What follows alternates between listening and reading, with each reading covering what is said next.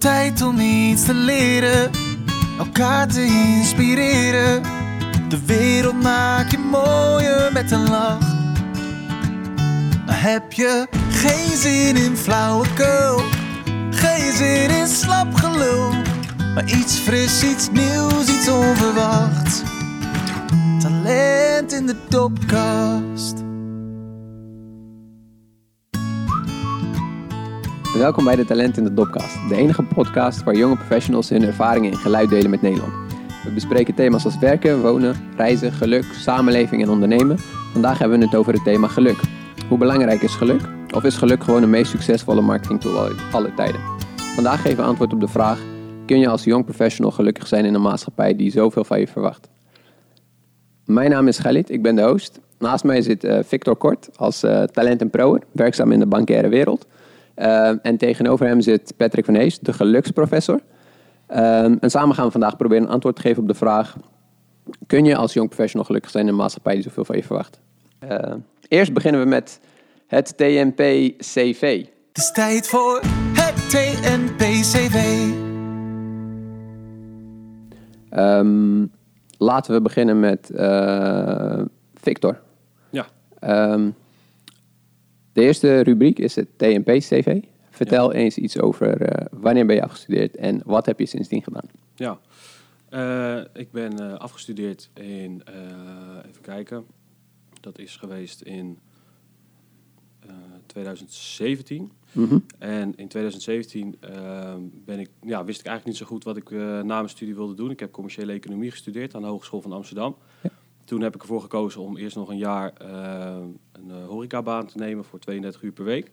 Waarin ik eigenlijk, waarin werk eigenlijk nog bijzaak was. En ik eigenlijk nog een deels het studentenleven langer voort kon zetten, zeg maar. Maar wel met voor mezelf wel een bepaald vaste afspraak dat ik wel na dat jaar een antwoord zou hebben op de vraag wat zou ik nou eigenlijk willen verder. Dus dat een jaar gedaan. En nou eigenlijk ook inderdaad mezelf aan die afspraak gehouden. Een jaar later ben ik gaan uh, zoeken. Alleen kwam ik erachter dat eigenlijk door het nadenken over wat ik zou willen, daar kwam ik moeilijk, kreeg ik moeilijk antwoord op. zodoende dat ik dacht, nou, misschien moet ik dan maar gewoon eens wat gaan proberen. En dan zien we het onderweg wel. Um, nou ja, via, uh, ja, via via eigenlijk kwam Talent Pro op, uh, op mijn pad. En uh, zodoende ben ik hier in mei 2019 begonnen.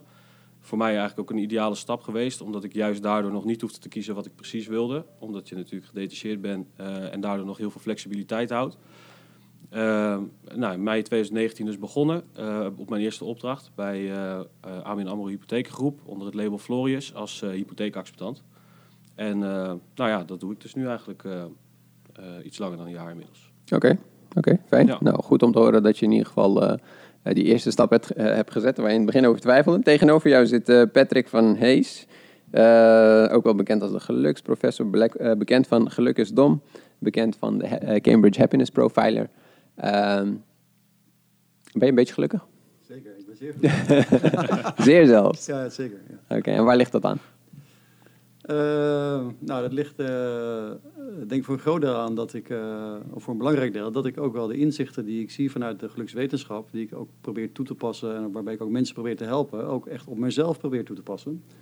En over het algemeen lukt dat, lukt dat behoorlijk goed. En natuurlijk heb ik ook wel eens een keer een mindere dag of wat meer stress aan mijn hoofd, maar dan probeer ik echt steeds even goed stil te staan. Oké, wat zijn de dingen die ik, die ik er zelf aan kan doen? En ja, ik ben, een zeer gelukkig mens. Oké. Je helpt uh, sinds uh, nou, goed, 2018 eigenlijk, uh, hoorde ik voor het eerst van je. Toen heb je de inhoudelijke avond bij ons verzorgd. Ja. Um, hoe is de samenwerking met TNP eigenlijk ontstaan? Want je bent nu nog steeds eigenlijk actief binnen TNP als, ja, hoe, zou je het, hoe zou je het willen omschrijven, geluksadviseur? Ja, gelukkig, ja, ja, dat is een mooi woord, ja. Ja, ik denk, volgens mij begonnen, ik ben ook ambassadeur voor Habitat for Humanity. En uh, dat is een wereldwijde organisatie die ook huizen bouwt in, uh, in, op plekken in landen waar mensen echt vaak niet eens een dak boven hun hoofd hebben. En toen heeft eigenlijk Edwin van der Elst, de CEO van uh, Talent en Pro, die heeft toen eigenlijk een soort lezing voor mij gekocht op een veiling voor, voor een goed doel. Dus daarmee steunde ook Talent Pro eigenlijk die stichting. Dus we hebben hier in het avond georganiseerd over geluk. En toen raakte eigenlijk meer aan de praat. En Edwin zei, wij willen ook eigenlijk wel meer investeren in het geluk van onze medewerkers. want we helpen ze eigenlijk met ontwikkelen zeg maar, oh, oh, we, leren ze allerlei vaardigheden, maar willen ook daar eigenlijk ja, zeg maar, nog, nog een stukje meer life skills aan toevoegen. ja, daar zijn we eigenlijk eh, ja, samen mee aan de slag gegaan. Met ook nog heel veel andere mooie collega's hier van Talent Pro. En, eh, ik vind het superleuk om te doen. Ja, en wij vinden het denk ik eh, superleuk dat je er bent om ons eh, daarin te helpen. Ik denk dat iedereen wel, eh, hoe gelukkig je ook bent, een klein beetje extra geluk misschien altijd wel goed kan gebruiken. Ehm, gaan we naar eh, de volgende rubriek. Grote vraag van vandaag. In deze rubriek gaan we antwoord geven op onze grote vraag van vandaag.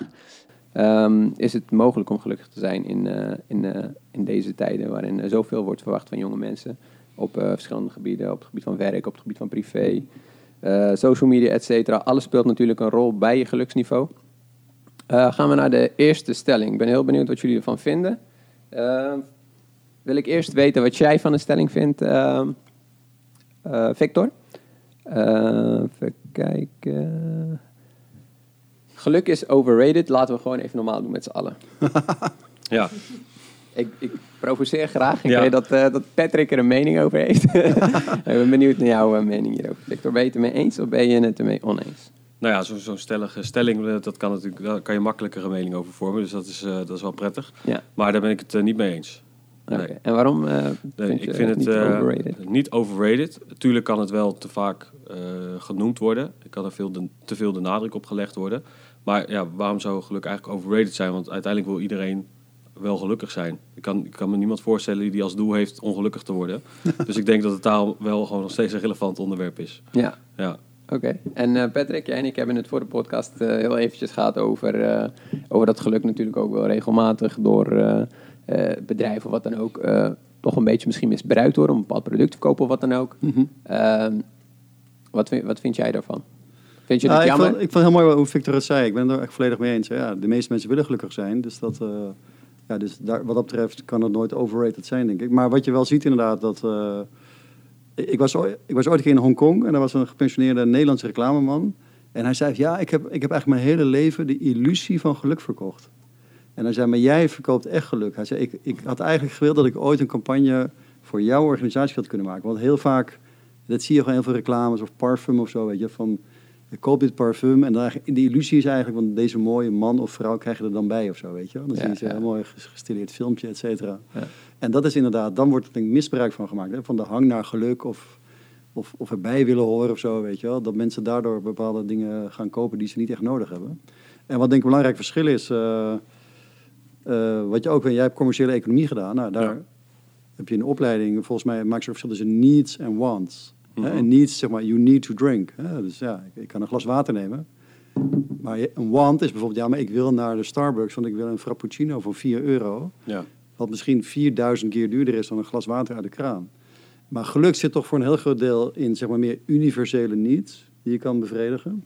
En veel minder in cultureel bepaalde wants. En de cultuur, en dat is soms het gevaar, dat die heel erg gaat stimuleren van nee, maar je moet wel een bepaald merk kleding hebben. Of je moet wel in zo'n soort auto rijden.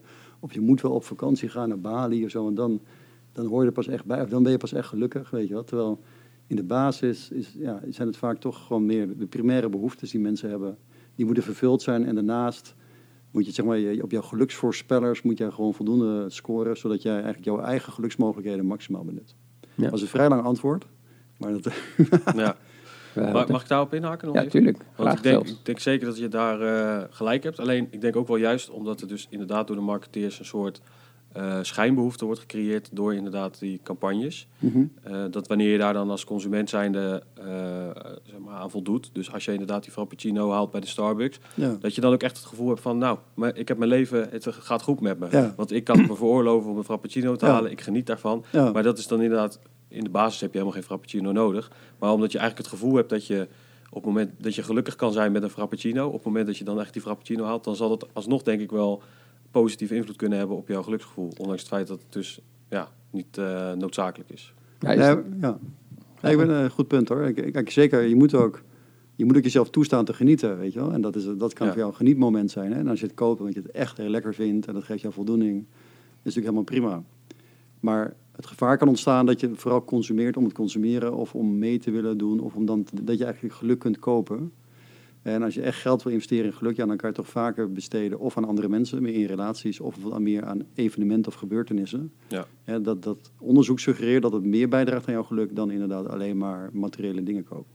Is dat ook een belangrijk verschil tussen, tussen wat je noemde, die illusie van geluk en, en echt geluk? Is dat die illusie van geluk, die kan je misschien inderdaad eh, even krijgen omdat je eh, even een boost krijgt. En, eh, van eh, ik, ik heb dit voor elkaar gekregen, wat fijn. Hè? Ik, ik, ben, ik ben even gelukkig en dat dat weer weg hebt. En dat echt geluk misschien ook iets is wat duurzamer is. Dat je daar wat langer profijt van hebt. Kan ik dat zo Ja, maar- je hebt er natuurlijk onderzoek naar gedaan. Ik ben heel erg benieuwd. eh, wat Nou, ik denk het zit in een combinatie van die twee dingen. Want dat is ook, eh, dat is ook een eeuwenoude discussie. hè. Wat is geluk eigenlijk? Zit het meer in, de- in het genieten en lekker eten en drinken of seks of dat soort dingen? Of zit het meer in zeg maar, een goed vervullend leven hebben dat je jezelf ontwikkelt en iets voor anderen betekent? Maar ik denk uiteindelijk zit het in die combinatie van. Dat is, en het genot wat je nu hebt, dat is ook een soort de brandstof die je hebt in je tank om het ook vol te kunnen houden. Om bijvoorbeeld weer een studie of iets. Hè. Je, hebt, je hebt ook nog allerlei extra trainingen bij Ja. Talent en Pro, hè, want je blijft je ontwikkelen. Ja, dat is soms ook best wel zwaar. Hè. Dus dan heb je ook juist even die lol nodig met je collega's. Of gewoon even hè, lekker uit eten of een drankje. Ja, dat hoort er ook bij. Hè. Dus dat is ook. Dus het zit wel echt wel in die combinatie. Ja. En dat is denk ik ook een belangrijke boodschap. Dat eh, je ook voor geluk dat je, je moet je eigenlijk breed ontwikkelen. Je hebt zeg maar, een breed portfolio nodig. Zo, noemt Ruud Veenhoven het. eh, emeritus hoogleraar van Erasmus. Echt eh, wereldwijde autoriteit op geluk. je hebt ook een breed portfolio nodig. Je moet niet al je eieren in één mandje leggen.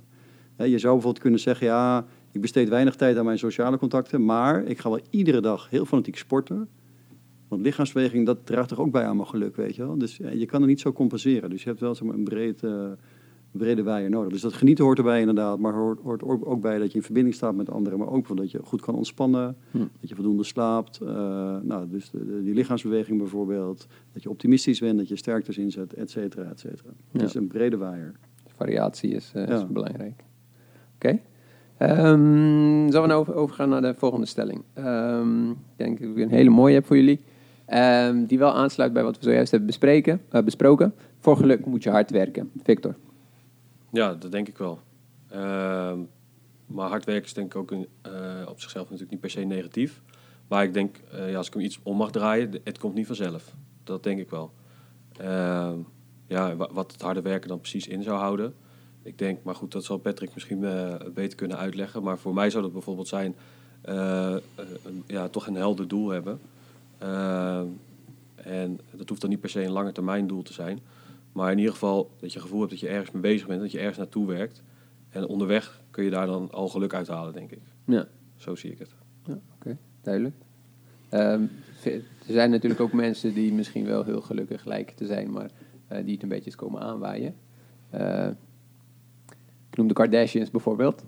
Misschien een beetje, misschien een beetje, een beetje een eh, subjectief, subjectief iets maar, wat ik hier zeg. maar, is ook goeie, de vraag is ook, zijn, zijn, die, zijn die echt gelukkig? Goed, ja, dat, is, Ja. dat is natuurlijk sowieso eh, bij, bij heel veel heel bekende mensen. Hoe gelukkig zijn die eigenlijk? En ook heel veel mensen zeg maar, in, in schijnbare topfuncties. En topfunctie is ook bijna per definitie vaak toch een stre- hele stressvolle functie. Hm. En- Maar ik denk wel, ja, voor sommige mensen is het echt hard werken geluk. En er zijn ook mensen, ja, die, die krijgen het min of meer in de schoot geworpen. Ja. Want die hebben misschien zeg maar, altijd een hele een prima onbezorgde jeugd gehad. Die hebben ze misschien genetisch al wat meer aanleg voor geluk. Hè, waardoor ze wel- optimistisch zijn, niet zo stressgevoelig zijn. Makkelijk met tegenslagen omgaan, makkelijk contact leggen met andere mensen. En die hebben misschien ook nu in hun leven ook gewoon weinig zorgen en weinig problemen. Ja, dan is het natuurlijk veel makkelijker. Dan hoef je ook niet zo heel hard te werken om gelukkig te zijn. Dan kan er misschien wel nog een verschil zijn of, of je een 8 scoort of misschien een 8,5 of een 9.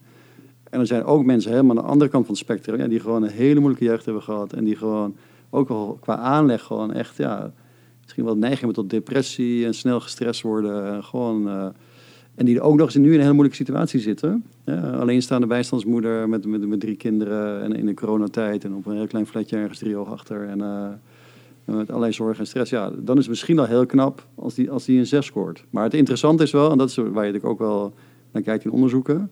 Er, er zijn mensen in vergelijkbare situaties en dan toch scoort de ene 4 en de andere 7. En dat is daar vooral naar kijkt. Ja, wat is dan het verschil tussen die mensen? Is dat dan die aanleg die je bedoelt? Eh, En voor een deel wordt dat verklaard door aanleg inderdaad. Hè. Dat, dat speelt zeker mee. Eh, maar het grootste verschil zit toch eigenlijk... eh, dus aanleg speelt mee en ook zeg maar je omstandigheden. Maar het belangrijkste is eigenlijk je, ged- je gedrag en je gedachten. Dus vooral wat doe je er zelf bij en wat denk je er zelf bij. En dat is het goede nieuws ook. En dat zijn wel dingen die je wel zelf kan beïnvloeden. En dat is dus soms keihard werken. En voor andere mensen, ja, die, die, hebben al, die doen al het goede gedrag... of hebben dat ooit in het verleden geleerd. Hè. En, en die zeggen, nou, ik zit wel op het goede spoor. Maar soms kan ook iets gebeuren in je omgeving... waardoor je misschien je gedrag zou moeten aanpassen... of waardoor je eh, meer veerkracht zou moeten tonen. Nou, ik weet bij Talent en Pro dat dat ook veel in de opleiding zit. Dat mensen ook worden getraind. En ik kan misschien ook al verklappen, je ziet ook eigenlijk, want wij onderzoeken ook dan eh, eh, hoe gelukkig eh, mensen hier zijn. Nou, je ziet ook dat mensen die langer hier werken, dat die ook meer veerkracht ontwikkelen, zeg maar. En dat die daardoor ook gemiddeld gelukkiger worden. Dus dat is wel heel leuk. eh. Ja, mooi vooruitzicht, eh, Victor. Ja, inderdaad. Oké, duidelijk. Dus eh, goed, eh, ongetwijfeld eraan werken helpt, eh, als ik het mag samenvatten. Aanleg speelt daar ook een Ja, kijk, ik zeg vaak, je kan het een klein beetje vergelijken met sporten. Kijk, jij hebt ook een sportlichaam. Hè? En dat is gewoon, eh, ja, de een heeft ook wat meer aanleg voor sport dan de ander, weet je wel. Er zijn van die mensen die gaan drie keer trainen en die lopen bij spreken een marathon, weet je wel. Ja. En er zijn andere mensen die moeten heel veel moeite doen en die kunnen dan, dan toch wel vijf of tien kilometer lopen. Maar je weet ook, als je naar de sportschool gaat en je gaat aan die gewichten trekken, dan op een gegeven moment je wordt toch wat sterker. En dat is ook wel geluk, weet je, als je de goede dingen doet, en je hebt een goede analyse, en je hebt misschien goede begeleiding. Ja, over het algemeen, je kan zeg maar de kans vergroten om gelukkig te zijn. En uiteindelijk eh, moet je, eh, moet je ook, daarin een beetje geluk hebben dat ook de goede dingen gebeuren. Want, Ja. want sommige mensen hebben wel heel veel te verstouwen. Maar daar heb je ook nog een stelling over, volgens mij. Over hoeveel tegenslagen iemand nodig heeft voor geluk. Eh, dus ik vind het ook gevaarlijk om te zeggen: oh, doe maar even een trucje en dit of dit. En dan iedereen kan eh, gelijk maar een 10 scoren. Dat is niet voor iedereen even makkelijk. Maar het is ook niet zo dat je moet zeggen: oh ja, ik ben nu eenmaal zo. Of ik heb nu eenmaal een slechte jeugd gehad.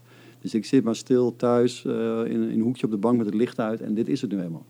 Tot op zekere hoogte heb je ook altijd wel zelf invloed. En dat is ook voor mensen heel geruststellend.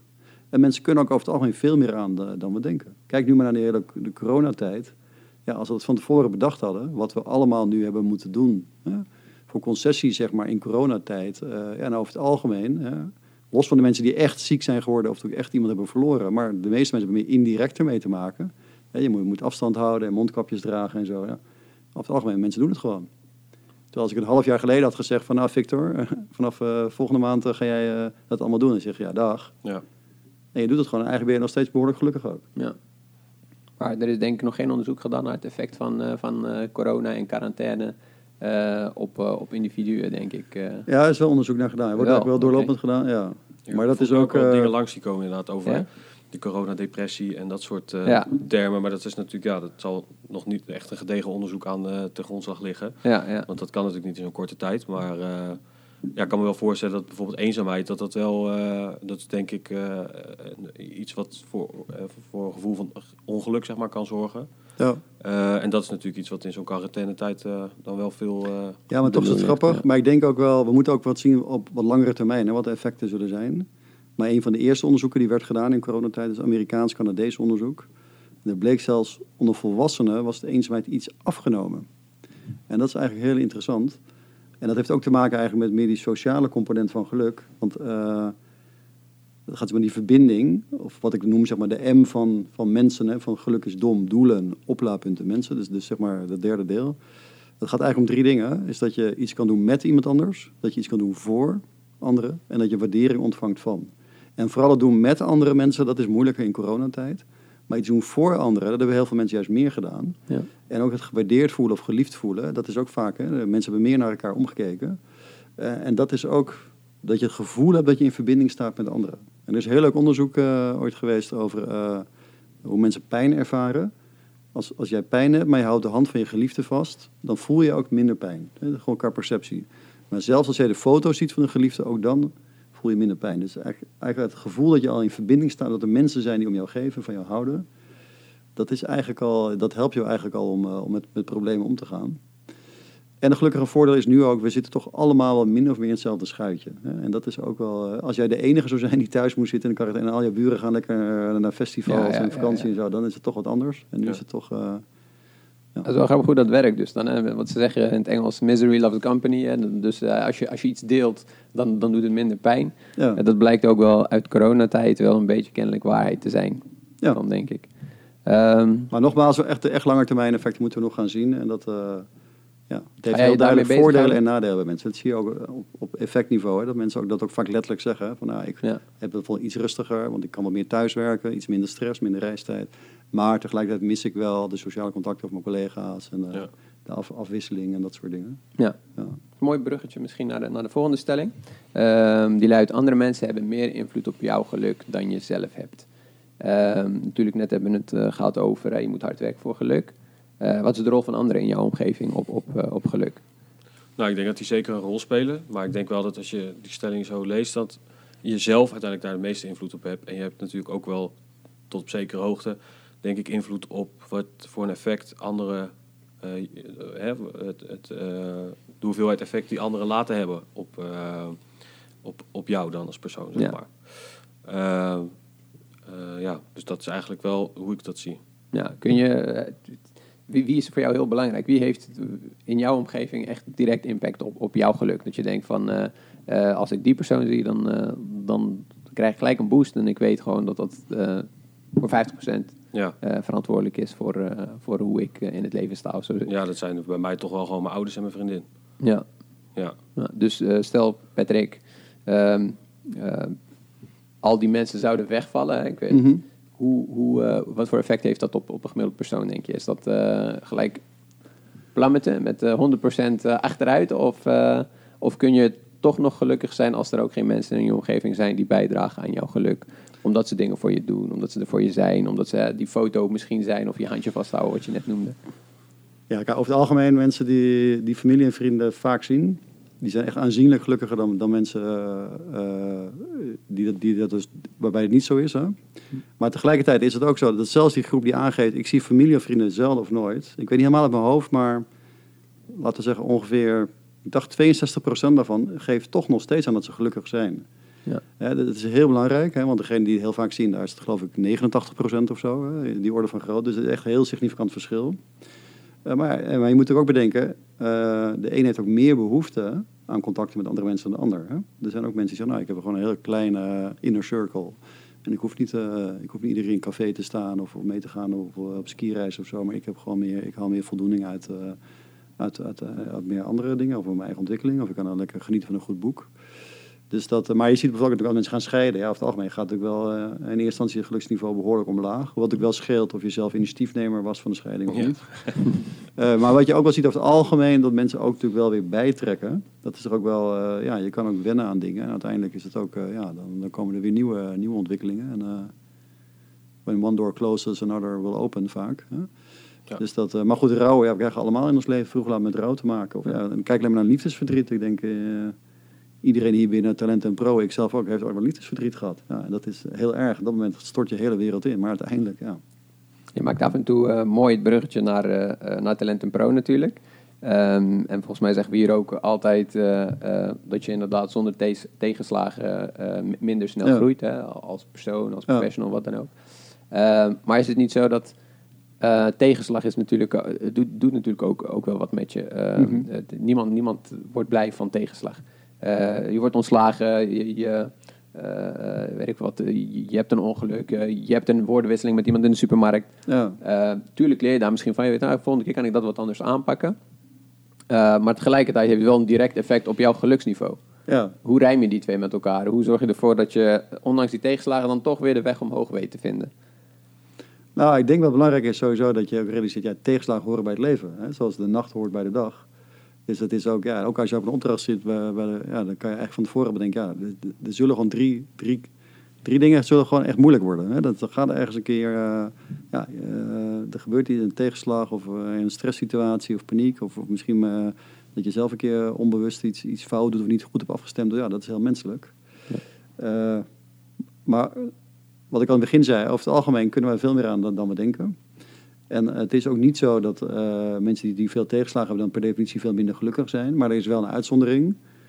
Eh, je kan ook extreem veel tegenslagen hebben. Want mensen zeggen ook wel eens tegen mij, ja, maar het is toch juist goed, want als je veel tegenslagen hebt dan ben je daarna pas extra gelukkig. Dan ga je pas waarderen. Ja, dat klopt wel tot op zekere hoogte. Maar er is bijvoorbeeld ook ooit onderzoek gedaan naar, eh, misschien een heel gek voorbeeld, maar heel extreem, mensen die een concentratiekamp overleefd hadden. En volgens die redenatie zou je zeggen, nou, dan zouden ze daarna dus extreem gelukkig zijn. Maar dat was dus niet zo. Ja, want dan, dan heb je natuurlijk zoveel meegemaakt, ja, dat je dan niet zo meer heel makkelijk daar, eh, je daar overheen eh, kunt zetten. Dus eigenlijk zou je kunnen zeggen, ja, een soort milde tegenslag is prima. Hè, die wordt er sterk van. Eh, iedere volgende tegenslag kan je dan ook weer wat makkelijker te lijf over het algemeen. Ja.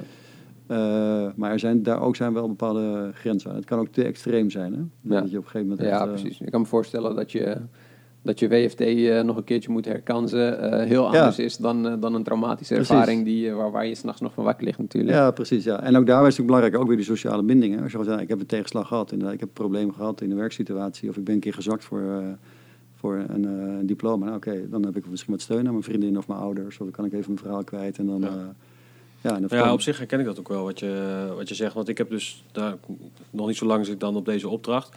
En een tijdje geleden heb ik inderdaad dan ook eh, een keer gewoon iets niet goed gedaan. En eigenlijk gewoon een fout gemaakt. ja. En in het begin baalde ik daar natuurlijk dan heel erg van. En na een tijdje had ik eigenlijk precies een beetje die redenatie dat ik dacht van ja, ik ben ook gewoon aan iets totaal nieuw, nieuws begonnen. Ja.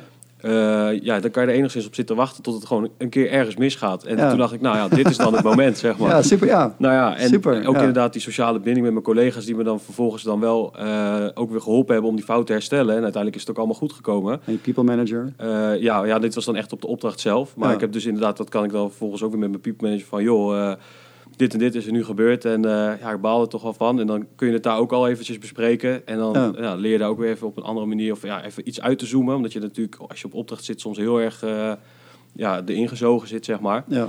En ja, dat was eigenlijk precies zo'n moment dat ik dacht van, nou, ja, dit, dit had ik eigenlijk, eh, het was eigenlijk gewoon wachten op het moment dat er een keer iets fout ging. Nou, Ja. nu is dat nu, het moment aangebroken. En nou, het belangrijkste is dat het uiteindelijk ook weer opgelost kan worden. En dat is ook weer gelukt. En dan kan je weer verder.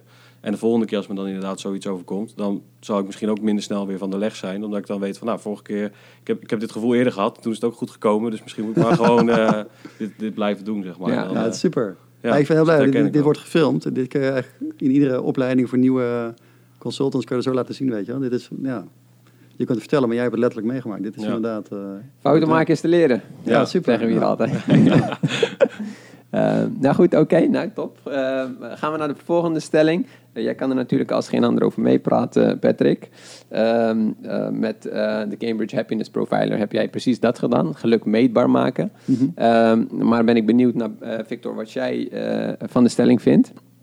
Geluk meetbaar maken kan er ook voor zorgen dat je ongelukkig wordt. Eh, ik kan me voorstellen als je ergens een cijfertje of een deadline of eh, toch inderdaad iets meetbaars aan hangt, dat dat juist voor een extra druk zorgt. Misschien dat je heel bewust bent van dat het moet gebeuren op een gegeven moment. Misschien toch een beetje hè, in 2020 mensen toch net iets, iets ongeduldiger zijn met betrekking tot, eh, tot het behalen van doelen, et cetera. ja. Ehm, ik kan me voorstellen dat dat een impact op je heeft. Eh, wat vind jij van die stelling? Ehm, geluk meetbaar maken, dat kan ook een, eh, eh, ervoor zorgen dat je ongelukkig wordt. Nou ja, ik ken natuurlijk wel dat je eh, op het moment dat je het meetbaar maakt en je komt erachter dat het resultaat van die meting niet is wat je had gehoopt, dat je daar dan teleur- teleurgesteld over Ja. kan zijn. Dat denk ik wel, ja. Eh, maar ik denk niet dat per definitie dat je op, om het meetbaar te maken, dat je daar dan eh, ongelukkig van wordt. Natuurlijk heb je inderdaad wel, als je bepaalde doelen hebt, hè, bijvoorbeeld je zegt tegen jezelf ik wil drie keer in de week sporten en het lukt twee keer, geen drie keer, ja, dan kan je daar ongelukkig van worden. Maar ik denk dat dat ook gewoon een manier is hoe je ermee omgaat. Ja, oké. Dus dat, ja. Jij zult het er mee eens zijn, eh, Patrick. Nou, ik denk niet, kijk, als je geluk meet bij iemand, het is niet zo eh, dat ik een, objectief een, een thermometer in Victor steek en zeg, hé, hey, jij, bent, jij scoort een 5 geluk. Het is de- dat je zelf, het- wat ze noemen, Ja. het is een self-assessment, hè? dus dat je zelf bepaalt, je beantwoordt allerlei vragen Ja. en daar komt dan een, een, een geluksscore uit.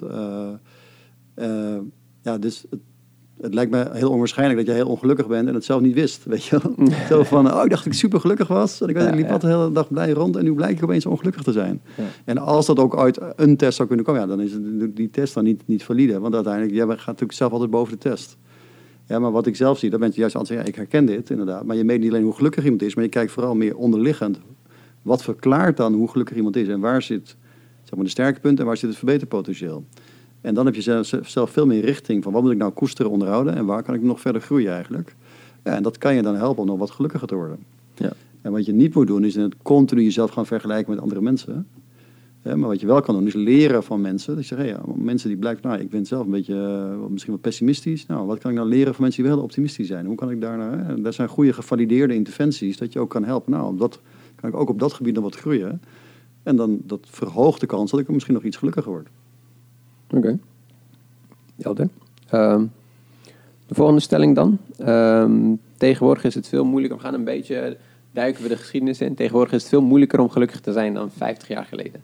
Eh ik probeer natuurlijk antwoord te geven op de vraag of het tegenwoordig eh, mogelijk is om gelukkig te zijn en te worden. Eh, denk je dat dat vroeger anders was, Victor? Nou ja, het is natuurlijk lastig, want 50 jaar geleden was ik nog niet. Dus dat kan ik moeilijk vergelijken. Ja. Maar ja, ik denk wel dat, dat sowieso natuurlijk eh, gelukkig zijn dat het heel erg is veranderd. Eh, Nu tegenwoordig gaat natuurlijk alles denk ik sneller dan dat het vroeger ging. Eh, dus daardoor ja, kunnen dingen dan ook sneller eigenlijk lopen zoals je niet wil dat ze gaan. En je hebt natuurlijk ook door middel van het internet, et cetera, heb je, zie je ook overal waar het beter gaat. wat je bijvoorbeeld normaal gesproken niet gezien had. Dus ik, ja, ik denk dat het, zeg maar, het leven 50 jaar geleden in die zin eenvoudiger was. Eh, maar aan de andere kant is ook natuurlijk wel weer zo dat eh, de, de, de technologische ontwikkelingen, et cetera, ervoor gezorgd hebben dat we nu juist weer meer dingen kunnen die we vroeger niet konden. Zoals bijvoorbeeld, je noemde dan net even Patrick de reis naar, eh, naar Bali bijvoorbeeld, wat veel mensen nu, Mhm. nu doen, dat soort reizen maken.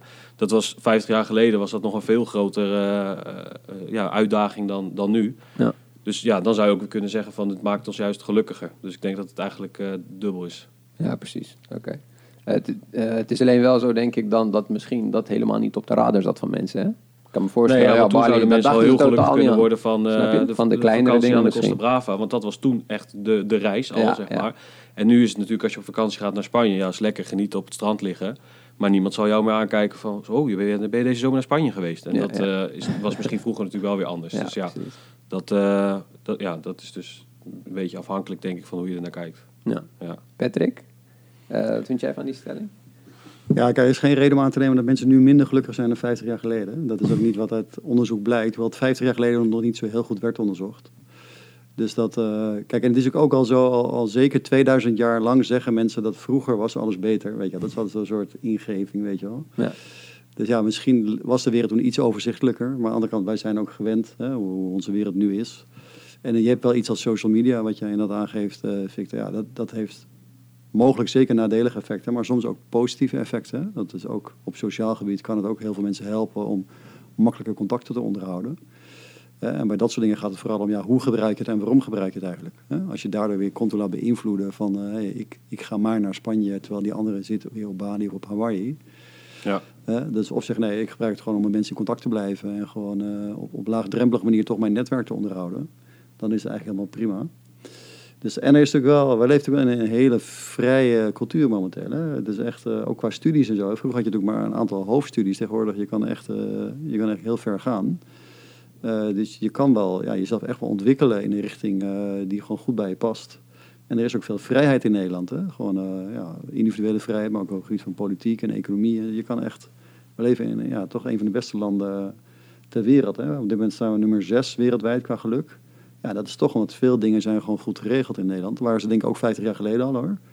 Maar dat, eh, ja, dus als je naar de stelling kijkt, nee, ik geloof niet dat het nu moeilijker is om gelukkig te zijn. Eh, er zijn misschien wel meer mogelijke afleidingen. Hè? Dat, uh, weer noemt die Kardashians, ja, mensen die die dag en nacht volgen. Ik weet niet of dat nou het beste role model, ehm, role model is om gelukkig te worden. Ja, dan moet ik toch een paar nieuwe rolmodellen gaan zoeken, blijkbaar. Oké, nee, duidelijk, duidelijk. Dus eigenlijk pas je als mens pas je, je altijd aan aan de omgeving, denk ik. En eh, zolang je eh, die basic needs die jij aan het begin noemde, eh, zolang, je, zolang je daaraan werkt, denk ik dat voor iedereen, maakt niet uit welk tijdperk je hebt geleefd. Ja, dat is het belangrijkste. Je moet wel in je basisbehoeften moeten wel Ja. vervuld zijn. Hè? Gewoon eten, drinken, veiligheid, dak boven je hoofd. Hè? En daarnaast inderdaad, als je zegt, ik, ik, ik sta in verbinding met mensen, ik kan mezelf blijven ontwikkelen. Ik heb ook een bepaalde autonomie, zeg maar, om ook mijn, mijn eigen weg te zoeken. En wat jij ook gedaan hebt, wij zeggen, nou, na mijn studie ga ik dan even kijken, wat wil ik nu? En dan kies ik nu een bepaalde richting. Nou, dan, eh, dan neem je toch al voor een flink deel, denk ik, het heft in eigen handen. Ja. Maar nog even over die, die Kardashians of, of andere social media. Je hebt natuurlijk allerlei... eh, Influencers. influencers vloggers. tegenwoordig, hey, vloggers, die dan schijnbaar succesvol zijn of die dan allerlei, allerlei filmpjes tonen. Dat zit toch vaak een beetje aan de materiële kant of zo, weet je wel. Van een mooi huis, mooie auto en dat soort dingen. Ja. En dat is toch, eh, en kijk, succes is iets anders dan geluk. En mensen, ja, maar die Kardashians, die hebben heel veel geld. Dus ik wil ook eh, heel veel trainen, krijg ik ook van die eh, gespierde billen, zoals zij heeft. Heb ik begrepen, toch? eh maar niet. Ja, En dan word ik ik ook... weet niet of dat alleen Huh? door trainen Nee, komt, maar eh, Ja, wat de injecties. en, Ja. wat injecties erbij. Ja. Nee, maar dat is dan ook zo'n idee, weet je Van ja, hoezo zou je dan gelukkig zijn of zo, weet je wel. Dat. En überhaupt als je heel veel geld hebt, ja, of als je heel beroemd bent, ben je dan echt heel gelukkig. Eh, dat is, je kan niet eens normaal op straat, je kan niet eens meer gewoon normaal op vakantie gaan naar Spanje of zo. En dan eh, de hele dag gaan mensen van je foto's maken of je belagen. Dus het is ook allemaal maar heel, heel relatief. eh. Oké. duidelijk. Nou, misschien mooi afsluiten. We hebben, we hebben het onderwerp al een beetje geraakt natuurlijk eh, in ons gesprek. Uh, zonder doel voor de toekomst kun je niet gelukkig zijn. Uh, jij uh, investeert natuurlijk in je carrière, nu aan het begin van je carrière. Ja. Ehm, heb jij een specifiek doel voor ogen en denk je dat ehm, jouw geluksniveau anders zou zijn als je die niet had? ja, ik heb wel voor mijzelf in ieder geval een specifiek doel voor ogen. Alleen dat zal misschien niet heel specifiek klinken. Want mijn doel op dit moment is, ja, ik ben natuurlijk net begonnen. om dus achter te komen, steeds eigenlijk steeds duidelijker te krijgen wat, wat ik nou precies wil en wat uiteindelijk dan een functie is. Uh, wat echt goed bij mij past, zeg maar. Ja. En uh, ja, ik kan wel zeggen, ik wil over vijf jaar dit zijn of ik wil over tien jaar daar staan. Maar uh, ja, ik weet, ik weet nog, nu nog daar te weinig van om zoiets te kunnen zeggen. En ik ben van mezelf ook niet iemand die dan zomaar iets gaat roepen, zeg maar. Dus vandaar dat ik dan nu eigenlijk zo zeg van, ik, ik ben nu gewoon... Mijn doel nu is echt om te kijken, wat, erachter te komen wat ik wil. Dat is eigenlijk mijn doel. Maar dat klinkt, dat klinkt als een duidelijk doel, ja. lijkt mij. Uh, wat, is, wat is jouw doel eigenlijk op lange termijn? Uh, nou, mijn doel is op korte en lange termijn is om zoveel mogelijk mensen te helpen om uh, zo binnen hun mogelijkheden zo gelukkig mogelijk te worden. Mm -hmm. En wat denk ik ook belangrijk is, het gaat niet eens specifiek dat je één heel specifiek target hebt of zo, maar vooral dat je eigenlijk. En ik vind jou echt een heel leuk voorbeeld, Victor, dat je wel, ja, dat je zeg maar, zelf achter het stuur van je leven zit. Dat je gewoon zegt, oké, ik, ik probeer zelf de dingen te doen. Ik heb een actief leven. Ik heb een reden om s ochtends mijn bed uit te komen. Maar ik ben ook mezelf aan het ontwikkelen. Ja. En dat is eigenlijk vooral een hele belangrijke bouwsteen voor geluk. Dus je hoeft niet per se te zeggen, ik wil over tien jaar dit of dit bereiken, maar ik, ik wil in ieder geval die dingen doen die goed bij mij passen, die goed bij, mij, bij mijn talenten of mijn sterke kanten passen. Uh, waarbij ik ook een bepaalde ruimte heb om dat zeg maar, op eigen manier in te vullen. Eh, waarbij ik mijn veerkracht kan ontwikkelen, mijn optimisme, et cetera. Nou, daar ben je volgens mij uh, super goed mee bezig. Ja. Dus, uh... nou, het is wel grappig, want ik heb dus dat uh, CHAP-rapport ook ingevuld en ontvangen. En mijn, ah, leuk, een van mijn, ja, je hebt dan nog een met een pagina waar de drie hoogste scores staan. Ja? En autonomie was inderdaad een van die, van die scores. Okay, ja. super, ja. En, dus dat, en dat herken ik dan ook direct. Dat ik dacht, ja, ik heb ook wel inderdaad het gevoel dat ik zelf bepaal wat ik doe eigenlijk. Ondanks het feit dat je natuurlijk altijd verantwoordelijkheden hebt. Maar toch inderdaad, nou, wat je zegt, dan achter het, zelf achter het stuur zitten. Dat, ja, dat is heel lekker. Ja. Nou, dat is helemaal, dat is een belangrijke geluksvoorspeller.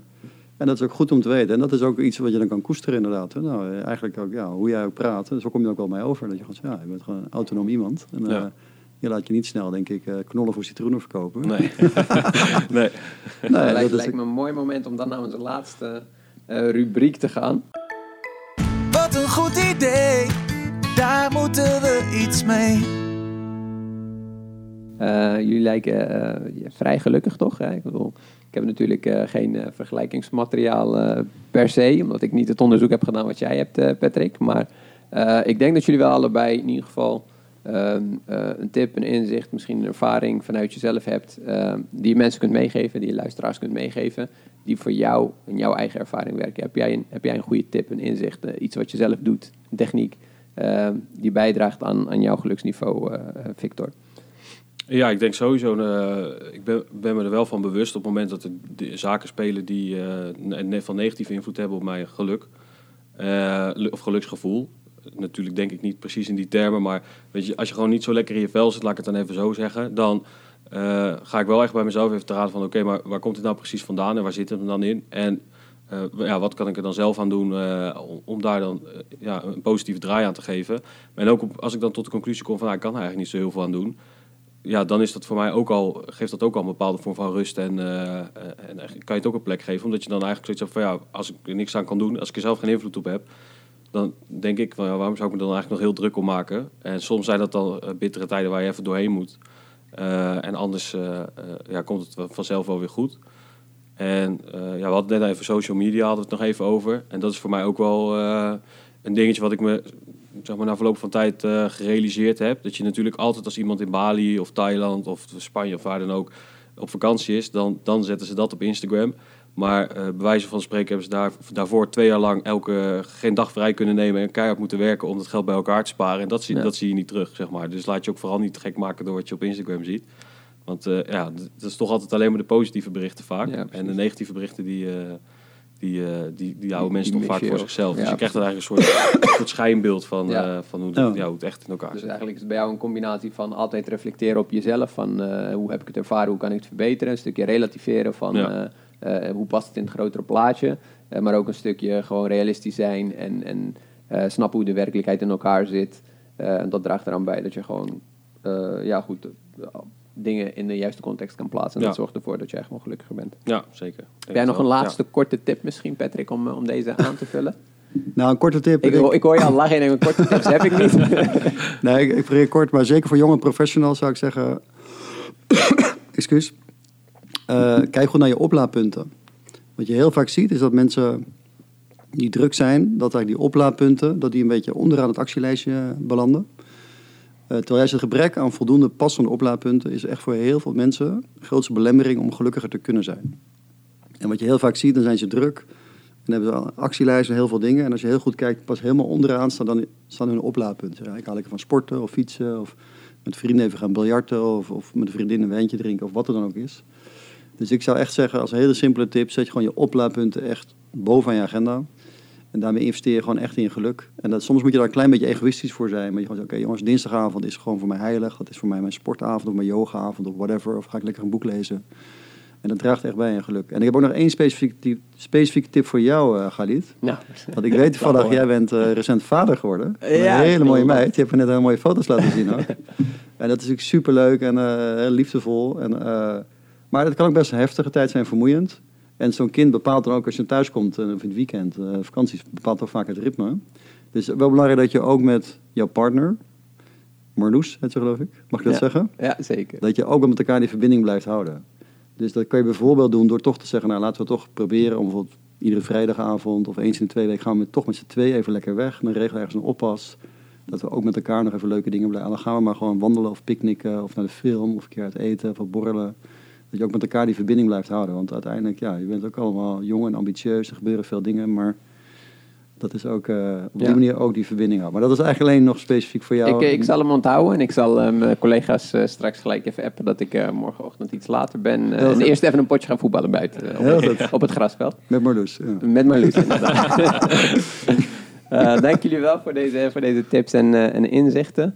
Eh, we hebben geprobeerd antwoord te geven op die vragen. Kun je als young professional gelukkig zijn in een maatschappij die zoveel van je verwacht? Ehm, als ik hem mag samenvatten en vul gerust aan, dan denk ik dat, dat het eigenlijk best wel goed eruit ziet. Eh, je hebt heel veel invloed op je eigen geluksniveau. Je kunt er heel veel aan doen. Eh, de omgeving, de, ja, Nederland eigenlijk biedt heel veel mogelijkheden om gewoon te werken aan je carrière, aan je, aan je sociale contacten, et cetera. Om ook te werken aan dat geluksniveau.